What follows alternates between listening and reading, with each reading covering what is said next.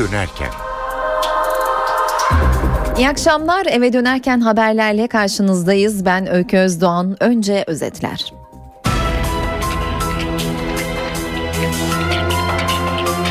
Ankara'da iki önemli toplantı, iki önemli gündem maddesi var. Demokratikleşme paketi ve Mısır. Gelişmeleri az sonra haberlerde canlı yayında aktaracağız. Mısır'da çatışmalar yine şiddetlendi ancak bu arada Suriye'deki çatışmalar da şiddetlendi ve Kuzey Suriye'den Kuzey Irak'a göç başladı. Binlerce Suriyeli Kürt Kuzey Irak'a kaçıyor. Dolar ve euro yükseliyor. Türk parasının durumu ne olacak? Son haberlere bakacağız. Son şampiyon sahaya iniyor. Galatasaray ligde ilk haftanın son maçında bugün Türk Telekom Arena'da Gaziantep Sporu konuk edecek. Notları arenadan alacağız. Özetleri aktardık. Şimdi haberler.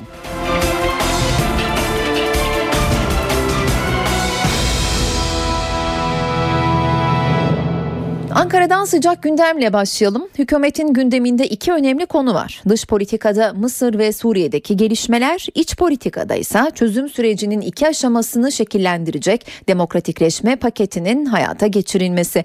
Başbakan haftaya bu iki gündemle başladı. Bakanlar Kurulu iki haftanın ardından toplandı ve toplantı şu sıralarda bitmek üzere. Hükümet sözcüsü ve Başbakan Yardımcısı Bülent Arınç'ın açıklama yapması bekleniyor. Biz de bu açıklamayı canlı yayında aktaracağız ve Başbakan Erdoğan Erdoğan Bakanlar Kurulu toplantısından AK Parti Genel Merkezi'ne Merkez Yürütme Kurulu toplantısına geçecek. Başbakan Perşembe günü ise AK Parti Merkez Karar ve Yönetim Kurulu'nu toplayacak ve burada demokratikleşme paketine son şekli verilecek. Çözüm sürecinde silahlar sustu sıra demokratikleşme paketinde süreçte ikinci aşamayı demokratikleşme paketi şekillendiriyor. AK Parti Genel Başkan Yardımcısı Hüseyin Süleyman Soylu çalışmalarını ve amacı NTV ekranında anlattı. Türkiye'de belki de geçmiş dönemin en temel problemlerinden bir tanesi olan ihtilaflarımızla yaşamaya alışmış bir Türkiye'den ihtilaflarımızla değil ittifaklarımızla yaşayan, ortak bir dille bu ihtilafları çözmeye çalışan ve bu ittifakları artıran bir toplumsal sözleşmeyi, bir kanunlar bütününü ve e, hep birlikte yaşayacağımız adımlar atma konusundaki iradesi AK Parti'nin dün de netti, bugün de net, yarın da net. AK Parti'de hummalı bir çalışma sürüyor ancak muhalefet tepkili. AK Parti'de bu hummalı çalışma sürerken muhalefet pakete tepkili CHP Grup Başkan Vekili Akif Hamza Çebi Partisi'nin görüşlerini açıkladı. Hükümet Cumhuriyet Halk Partisi'nden veya muhalefetten gelen bu tip taleplere kulak vermek yerine daha çok Abdullah Öcalan'la bir işbirliği yaparak oradan İmralı'dan Kandil'den gelen taleplere göre bir paket hazırlıyor.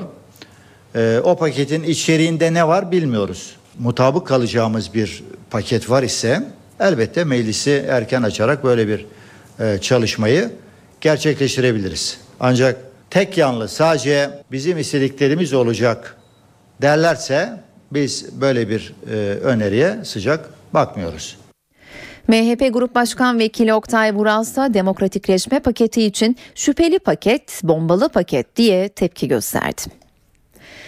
Hacı Bektaş Veli'yi anma töreninde yumruklu saldırıya uğrayan Başbakan Yardımcısı Bekir Bozdağ saldırganı serbest bırakan savcılara sert tepki gösterdi. Umarım bu kararı veren hakimler, savcılar benim gibi bir yumruk yemezler. Yumruk yedikleri zaman ben takip edeceğim. Ne oluyor bakalım tutukluyor mu? Başbakan Yardımcısı Bekir Bozdağ, Hacı Bektaş Veli'yi anma töreninde kendisine yumruk atan saldırganın serbest bırakılmasına tepki gösterdi. Kararın suça teşvik ettiğini savundu. Nasıl olsa bir yumruk atmanın bakanı attığında hiçbir müeydesi yok. İki gün gözaltında tutarlar, ifademizi alırlar, bırakırlar. Bu o mesajı veriyor kamuoyuna. Bir gün gözaltı, Hadi bakan olduğu için iki gün gözaltı yaptık. Ondan sonra yumru vuran e, keyfine bakabilir. Bu nedir? Bu suça teşviktir otomatik olarak. Bekir Bozdağ saldırı sırasında CHP Genel Başkanı Kemal Kılıçdaroğlu'nun da orada olduğunu hatırlatarak Kılıçdaroğlu ve CHP'lilere de tepki gösterdi. Ana Muhalefet Partisi'nin Sayın Genel Başkanı oradaydı. Kendisiyle konuştum. O olayı anlattım. Hatta vurulan yeri de bizzat gösterdim. Sayın Kılıçdaroğlu ondan sonra konuşmaya çıktı ama bu konuya değinmedi. Onu himaye eden yaklaşımlar içinde bulundular. Polise vermek istemediler. Kelepçe taktırmak istemediler. Orada polise zorluklar çıkardılar. Büyük bir şefkat gösterisinde bulundular. Yani bir alnından öpmedikleri kaldı. Başbakan Yardımcısı Bekir Bozdağ'ın tepkisine CHP Genel Başkan Yardımcısı Adnan Keskin NTV yayınında karşılık verdi. Adnan Keskin CHP'lilerin olayın büyümesini engellediğini savundu. Güvenlik güçleri bu saldırıyı yapan kişiyle ilgili bir aşırı güç kullanarak ona karşı fiziki baskı oluşturmaya çalışınca oradaki bulunan milletvekili arkadaşlarımız bu kişinin daha fazla zarar görmesini engelleyecek bir girişimde bulundular. Böylesine bir fiziki karşılıklı sürtüşmenin yaşandığı bir süreçte arkadaşlarımız güvenlik güçleriyle halkın karşı karşıya gelmesini engelleyecek girişimlerde bulunmuşlardır. Sayın Bakan'dan ben beklerdim ki hem benim kendisinden geçmiş olsun özür dileme taleplerimi hem Sayın Genel Başkanımızın otururken ilettiği duygularını hem de arkadaşlarımızın bu olayın daha fazla büyüyerek Hacı Bektaş anma etkinliklerine gölge düşmesini engelleyecek bir girişim içerisinde olmanı vurgulamasını beklerdim. Ama çok yazıktır ki üzülerek vurguluyorum. Bir bakanın buradan siyasi prim toplamaya kalkması bence üzüntü verici bir durumdur. Bir bakana yakışmayacak bir yaklaşımdır. Saat 18.11 ben Öykü Özdoğan eve dönerken de günün öne çıkan diğer gelişmelerini aktarmaya devam ediyoruz. Bakanlar Kurulu demokratikleşme paketi dışında Mısır ve Suriye'yi konuştu. Kahire'den istişare için geri çekilen Büyükelçi de toplantıda Bakanlar Kurulu'na briefing verdi. Ama daha önce Büyükelçi Cumhurbaşkanı Abdullah Gül'e briefing verdi. Şimdi Mısır'da bugün neler olduğuna bakalım. Mısır'da şiddet durmuyor. Sinay Yarımadası'nda polislerin içinde bulunduğu iki otobüse saldırı düzenlendi. Gazze sınırı yakınlarında gerçekleşen olayda saldırganların polisleri otobüslerden indirip ateş açtıkları ayrıca bomba attıkları bildiriliyor. Bilanço ağır 20'den fazla polis yaşamını yitirdi çok sayıda da yaralı var. Bu arada gözaltına alınan Müslüman kardeşler üyelerinin cezaevi transferi sırasında çıkan olayda 30'dan fazla ölü var. Kahire'de akşam sokağa çıkma yasağı sürüyor ve sokağa çıkanlar gözaltına alınıyor. Savunma Bakanı ve Genelkurmay Başkanı Sisi ise geri adım atmamakta kararlı. Mısır'da herkese yer var diyen hainler karşısında diz çökmeyeceğiz diyor. Ülkede çarşamba gününden bu yana devam eden olaylarda resmi rakamlara göre 70'i polis ve asker olmak üzere 800'den fazla kişi yaşamını yitirdi. Mısır'ın devrik Cumhurbaşkanı Hüsnü Mübarek yargılandığı Cumhurbaşkanlığı saraylarındaki yolsuzluk davasından beraat etti ve avukatının iddiasına göre Mübarek bu hafta serbest bırakılabilir. Ancak Mısırlı yetkililere göre 85 yaşındaki Mübarek yolsuzluk davasında beraat etse bile 2011'deki gösteriler sırasında eylemcilerin öldürülmesi suçuna iştirak ettiği gerekçesiyle hapiste kalacak. Mısır'da gözaltına alınan Türk gazeteci Metin Turan'dan haber var. Dışişleri Bakanlığı Sözcüsü Levent Gümrükçü, Kahire Büyükelçiliği'nin Turan'la dün 3 saatlik bir görüşme yaptığını, bir an önce serbest kalması için her türlü çabanın gösterildiğini açıkladı. TRT muhabiri Turan, cumartesi günü olayları izlemek ve haberleri aktarmak için gittikleri Ev Fetih Camii'nde güvenlik güçlerinin müdahalesinin ardından gözaltına alınmıştı. Anadolu Ajansı muhabiri Hibe Zekeriya da gözaltına alınmış ancak dün serbest bırakılmıştı. Amerika Birleşik Devletleri ve Avrupa Birliği'nden Mısır'la ilgili peş peşe açıklamalar var. Almanya Başbakanı Angela Merkel Mısır'a silah satışının kısıtlanmasının masada olduğunu duyurdu. Fransa Cumhurbaşkanı Mısır'da seçim çağrısı yaptı. Amerikalı Senatör John McCain ise Mısır'da ordunun müdahalesini darbe olarak nitelemeyen Washington yönetiminden Mısır'a yapılan 1,3 milyar dolarlık askeri ve ekonomik yardımı askıya almasını istedi. Mısır'dan Suriye'ye geçelim. Suriye-Irak sınırında tam bir insani dram yaşanıyor. Suriye'nin kuzeyinde Kürt gruplarla El-Kaide bağlantılı En-Nusra cephesi arasındaki çatışmalar nedeniyle Kuzey Suriye'den Kuzey Irak'a kaçış var. Kuzey Irak'a göç dalgası Perşembe günü başladı. 5 günde sayı 30 bini aştı. Dicle üzerindeki seyyar köprüyü geçerek Kuzey Irak'a sığınan Suriyeli Kürtler için Birleşmiş Milletler Erbil yakınlarında bir mülteci kampı oluşturdu. Birleşmiş Milletler özellikle su ve sağlık malzemelerine ihtiyaç duyulduğunu belirtiyor. Kuzey Suriye'de çatışmalar son bir saatte yeniden şiddetlendi. Resulayn'dan havan topu Ceylan Pınar'a düştü. NTV muhabiri Gökhan Gerçeğin aktardığına göre silah sesleri devam ediyor. Sınırı aşan havan topu bu kez kimseye değmedi. Can kaybı yok. Bu arada Suriye'de kimyasal silah kullanıldığı yönündeki iddiaları araştıracak Birleşmiş Milletler heyeti de Şam'da gelişmelerle ilgili ayrıntıları NTV Şam muhabiri Hediye Levent'ten alacağız. Hediye son bilgiler neler ayrıntıları alalım senden. Evet Öykü Suriye'de e, mevcut iç savaş yaklaşık 3. yılına ulaştı ve bu süreç içinde e, hem yönetim hem de muhalifler birbirlerini karşılıklı olarak kimyasal silah ya da kimyasal madde karıştırılmış e, bazı silahların kullanıldığı yönünde karşılıklı olarak suçladı. Zaman zaman e, ancak en önemli olay Halep'e Atar kasabasında yaşanmıştı.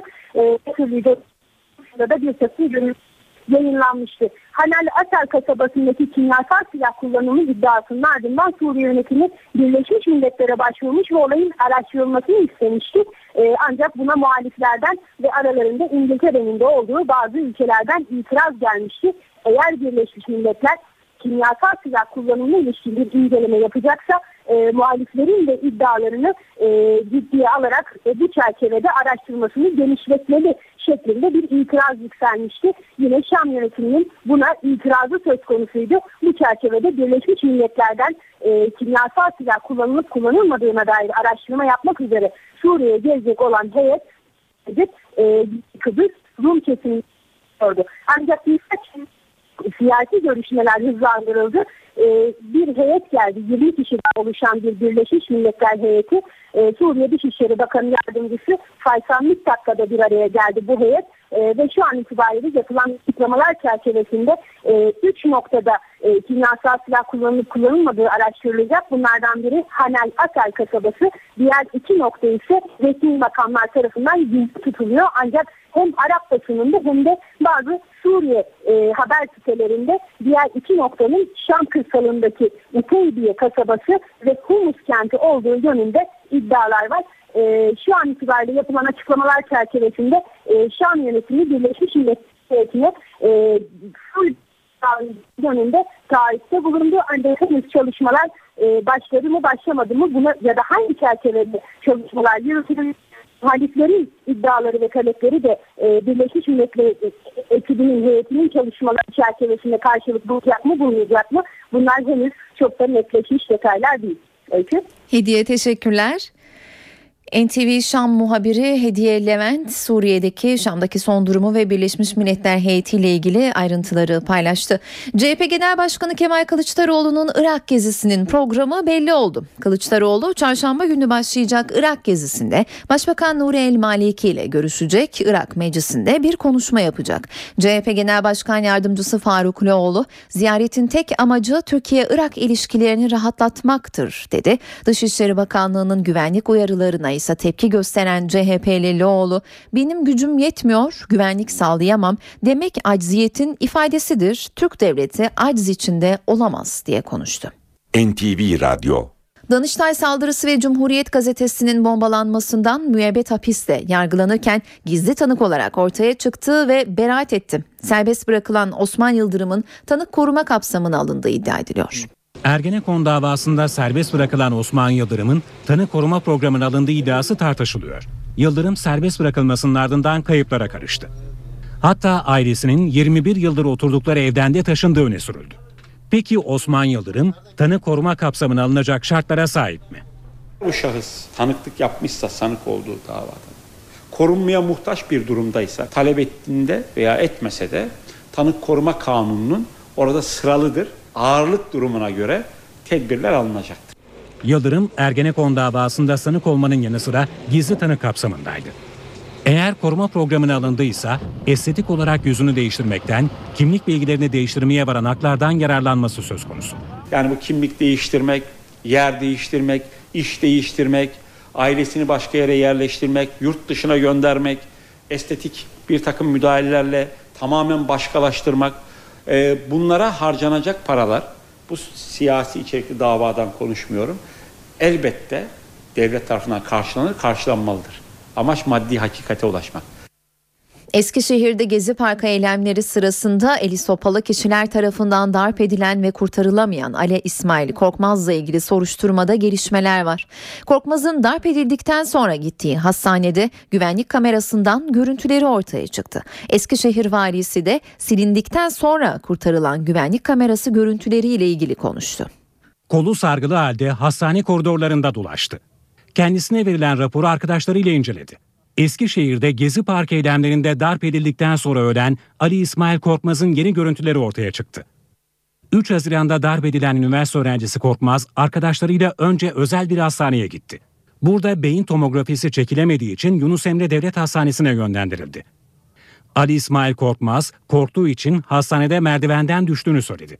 Kolu alçıya alınıp bilinci yerinde teşhisi konulan Korkmaz, tomografi sonrası 3,5 saat gözlem altında tutulduktan sonra taburcu edildi. Evine döndükten sonra fenalaşıp tekrar hastaneye kaldırılan Korkmaz, olaydan 38 gün sonra öldü. 19 yaşındaki gencin ölümüyle ilgili soruşturma da sürüyor.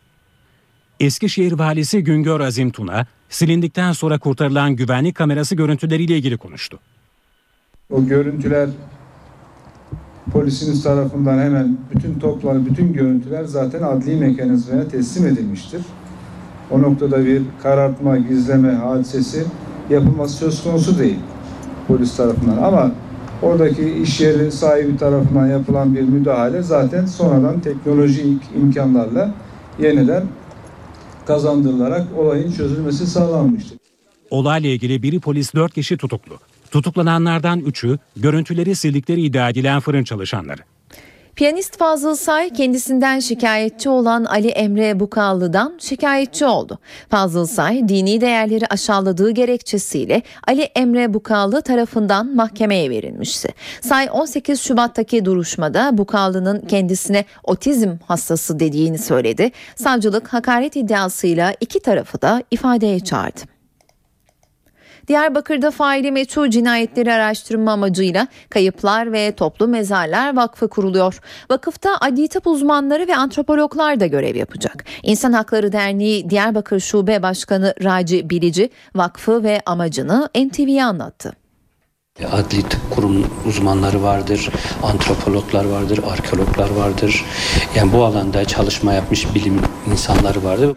Faili meçhul cinayetlerin araştırılması için yeni bir vakıf kuruluyor. Vakıf cinayete kurban gidenlerin tespitinde aktif rol alacak. Kayıplar ve Toplum Mezarlar Vakfı Eylül ayında çalışmalara başlayacak. Vakıf İnsan Hakları Derneği'nin öncülüğünde kuruluyor. Kayıplara ulaşmada yardımcı olması için DNA bankası kurulması hedefleniyor. Karşılaştırma hangi aileye ait çıkarsa o aile çağrılır. Ee, cenazesi bir bütün olarak kemikleriyle bir bütün olarak aileye teslim edilir. Vakıf faili meçhul davalarında zaman aşımının önüne geçilmesini istiyor. İHAD tarafından kayıp yakınlarının başvuruları sonucu hazırlanan haritalara göre Türkiye'de 300'ün üzerinde toplu mezar bulunduğu öne sürülüyor. Diyarbakır Bağlar'da yerde bulduğu cismi kurcalayan 11 yaşındaki çocuk patlama sonucu tek gözünü kaybetti.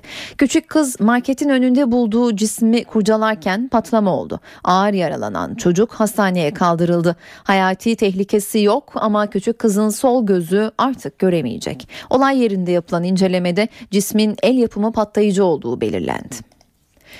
NTV Radyo'da eve dönerken haberlere ekonomi notlarıyla devam edelim. Dolar yükseldi, borsa düştü. Peki neden oldu tüm bunlar ve bundan sonra ne olacak? NTV Ekonomi Müdürü Gökay Otyam'ın yorumunu dinliyoruz.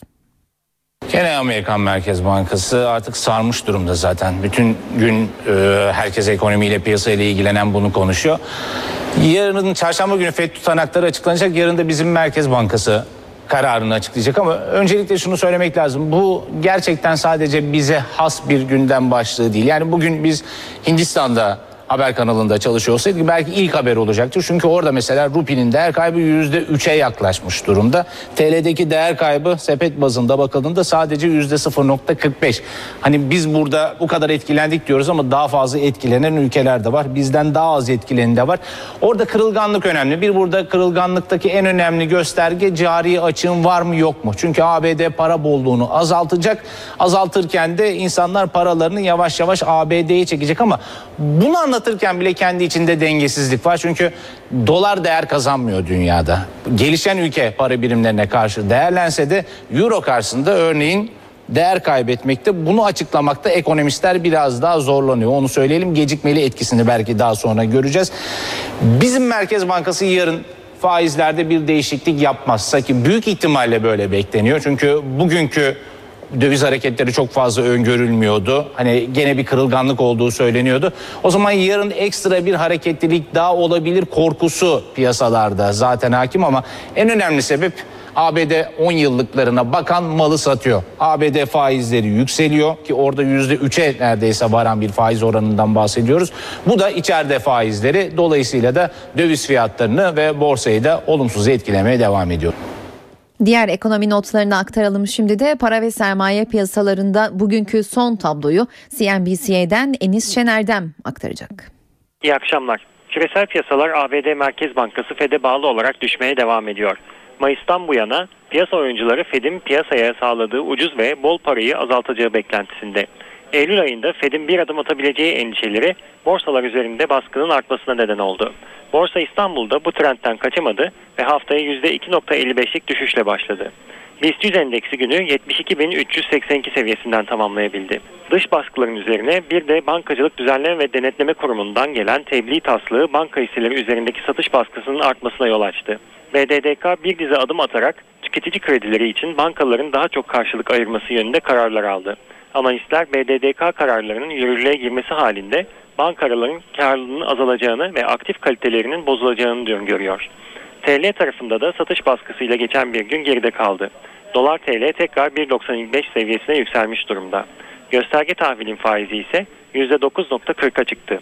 Yurt dışında da riskten kaçışla birlikte borsalar değer kaybetti. Spot altın tarafında ise yatay bir gün geride bırakıldı ve 1375 dolar desteği üzerinde tutunma devam etti. NTV Radyo Samsun ve Erzurum'da yağmur nedeniyle sel baskınları oldu. Samsun'da Terme çayı taştı. Çay kenarındaki binaları su bastı, ulaşım aksadı. Şiddetli yağış nedeniyle Erzurum Palandöken'de de istinat duvarı yıkıldı. Oluşan göçükte bir binanın zemin katını da su bastı. Şimdi NTV Meteoroloji Editörü Gökhan Abur'un yurt genelindeki hava tahminini dinliyoruz. İyi akşamlar. Batıda gün içinde rüzgarın sert zaman zaman da kuvvetli eseceği, yurt genelinde sıcaklıkların yer yer ortalamalar üzerinde olacağı bir haftaya başladık. Yarın Doğu Karadeniz'in kıyı kesimlerine yağış hafiflerken Erzurum, Kars, Ardahan, Ağrı arasında yer yer kuvvetli olmak üzere aralıklarla devam edecek. Doğudaki yerel yağışların çarşamba gününe devam etmesini bekliyoruz. Akdeniz boyunca yine hava oldukça sıcak ve nem oranı düşük. O bakımdan orman yangını riski devam ediyor. Güney Ege'de kuvvetli esecek bir karayel var ve özellikle Bodrum ve civarında karayel yine sert esmeye devam edecek. Güneydoğu'da da yüksek sıcaklıklar görülmeye devam edecek. İstanbul'da yarın hava az bulutlu, rüzgar kuvvetli, sıcaklık gündüz 31, gece ise 23 derece olacak. Ankara'da hava açık, sıcaklık gündüz 30, gece ise 16 dereceye inecek. İzmir'de ise yarın rüzgar zayıflıyor, hava açık, sıcaklık gündüz 35, gece ise 23 derece olacak. Hepinize iyi akşamlar diliyorum. Hoşçakalın.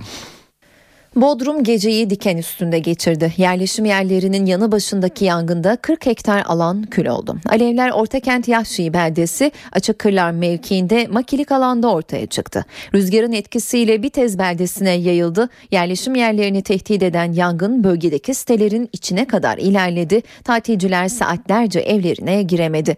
Alevler Muğla Üniversitesi Güzel Sanatlar Fakültesi'nin yanı başına dayandı. Akut ekibinin desteğiyle alevler yaklaşık 7 saat süren çalışma sonucu evlere ulaşmadan kontrol altına alındı. Müdahale sırasında iki orman işçisi dumanlardan etkilendi. Akut ekibinden iki kişi de düşerek yaralandı. Yaklaşık 40 hektar makilik alan kül oldu. Soğutma çalışmalarına hava aydınlanınca hava unsurları da katıldı.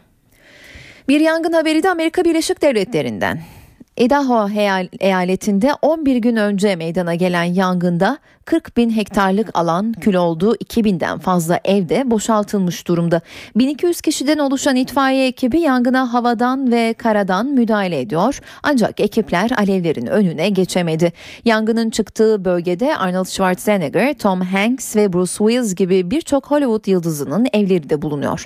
Yangının 11 gündür devam ettiğini kaydeden yetkililer önümüzdeki günlerde rüzgarın dinmesiyle alevleri kontrol altına almayı hedefliyor. Saat 18.35 ben Öykü Özdoğan eve dönerken de günün öne çıkan diğer gelişmelerini aktarmaya devam ediyoruz.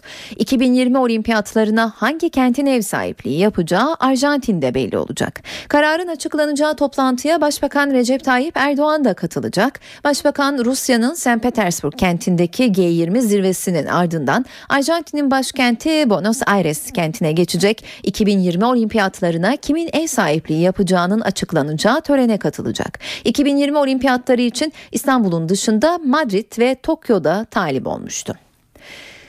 Son şampiyon sahaya iniyor. Galatasaray ligde ilk haftanın son maçında bugün az sonra Gaziantep Spor ile karşı karşıya gelecek. Türk Telekom Arena'ya bağlanıyoruz. Şimdi iki takımla ilgili son bilgileri NTV Spor canlı yayın ekibinden Evren Gözden alacağız. Evren söz.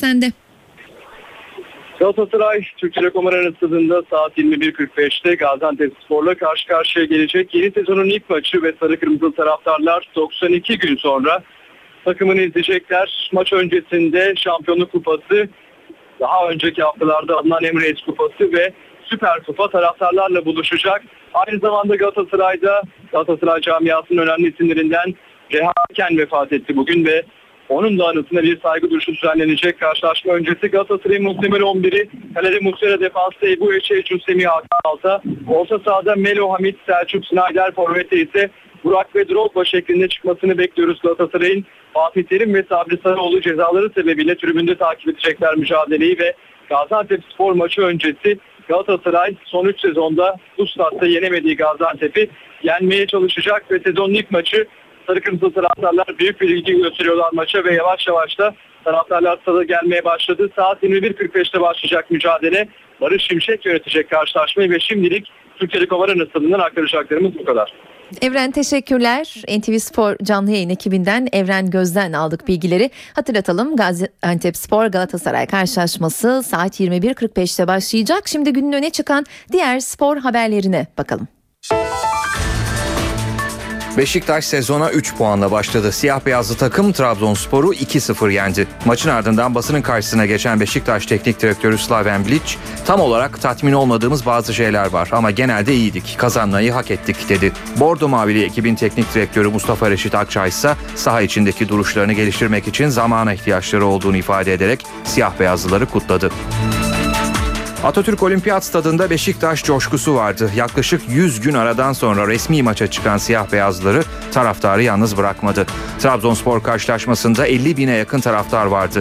Beşiktaş-Trabzonspor maçında Türk futbolunun alışık olmadığı görüntüler vardı. Trabzonspor Başkanı İbrahim Hacı Osmanoğlu maçı Beşiktaşlı taraftarların arasında seyretti. Hacı Osmanoğlu deplasmana taraftar götürme yasağını bu şekilde protesto etti.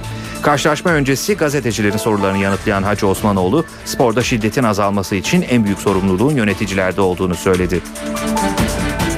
Spor Toto Süper Lig'e puansız başlayan Fenerbahçe'de tüm gözler Arsenal maçına çevrildi. Sarı lacivertlerde sakatların birer birer iyileşmesi moralleri biraz olsun düzeltti. Önceki gün yapılan antrenmana belindeki sakatlığı geçen Raul Meireles katılmıştı. Bu sabah yapılan antrenmanda da Mehmet Topal takıma dahil oldu. Fenerbahçe Şampiyonlar Ligi playoff turu ilk maçının son antrenmanını yarın akşam 19'da yaparak kampa girecek. Bu arada maçın hakemi de belli oldu. Çarşamba günkü Şükrü Saracoğlu stadında saat 21.45'te başlayacak mücadeleyi İtalyan Gianluca Rocchi yönetecek. Dünya Atletizm Şampiyonası'nı 3 altın madalyayla tamamlayan Usain Bolt, şampiyona tarihinin en başarılı atleti oldu. Bolt, Carl Lewis ve Michael Johnson'ın ardından adını Dünya Atletizm Şampiyona tarihine altın harflerle yazdırdı. Sancaktepe Belediyesi 20. geleneksel yağlı güreşleri yapıldı. Finalde Güngör Ekin'i yenen Şaban Yılmaz baş pehlivanlık kemerinin sahibi oldu. Türkiye'nin önemli 20 baş pehlivanının kıyasıya mücadele ettiği güreşlere 13 aylık kategoride 600 pehlivan katıldı. Sancaktepe güreşlerinde son 2 senenin baş pehlivanı olan Recep Kara bu yılki organizasyonda yer almadı. Büyük mücadelelerin ardından Samsunlu Şaban Yılmaz'la Karamürselli Güngör Ekin finalde karşı karşıya geldi. Baş pehlivan olan Şaban Yılmaz'a altın kemerini Avrupa Birliği Bakanı ve Baş Müzakereci Egemen Bağış taktı. Sigara içmek, bakla yemek ve dans etmek. Bu üç şeye dikkat çünkü Parkinson hastalığından koruyor. NTV Radyo'nun Doktor Bana Doğruyu Söyle programında bugün Parkinson, Alzheimer ve demans gibi nörolojik hastalıklar konusu işlendi. İstanbul Tıp Fakültesi Nöroloji Anabilim Dalı'ndan Profesör Doktor Haşmet Hanası programa konuk oldu. Verdiği rakamlara göre dünyada bu hastalıklar yaşlılarda, Türkiye'de tam tersine gençlerde daha çok görülüyor. Bunun sebebinin akraba evlilikleri olduğunu belirten Profesör Hanası, fazla kahve tüketiminin pek çok zararına rağmen sigaranın ve egzersizin Parkinson hastalığından koruyucu özellikleri olduğunu da anlattı. Nörolog Hanası, Parkinson hastalarının Alzheimer gibi tedavisi olmayan hastalıklar yanında daha şanslı olduğunu, ilaç ve cerrahi tedavilerle hastaların hayat kalitelerinin artırılıp belirtilerin azaltmanın mümkün olduğunu da anlattı. Demarin Turgut Reis Uluslararası Klasik Müzik Festivali cumartesi günü başlıyor. Doğuş grubu kurucu destekçiliğiyle Demarin Turgut Reis'te düzenlenen festival bir marinada düzenlenen ilk ve tek festival. Bu yıl dokuzuncusu 24, 25 ve 27-28 Ağustos tarihlerinde yapılacak. Festivalin onur konuğu devlet sanatçısı Suna Kan. NTV Radyo'nun medya sponsoru olduğu festival geçen yıl Donizetti Klasik Müzik Ödülleri'nde yılın en iyi klasik müzik etkinliği seçilmişti. Festivalin geçen yıl 20.500 dinleyiciye ulaştığını, bu yıl için biletlerin Biletix ve Demarin Turgut Reis gişede satışta olduğunu da belirtelim. NTV Radyo Böylece eve dönerken programının sonuna geldik. Ben Öykü Özdağ'ın yarın akşam aynı saatte karşınızda olacağız. Şimdilik hoşçakalın.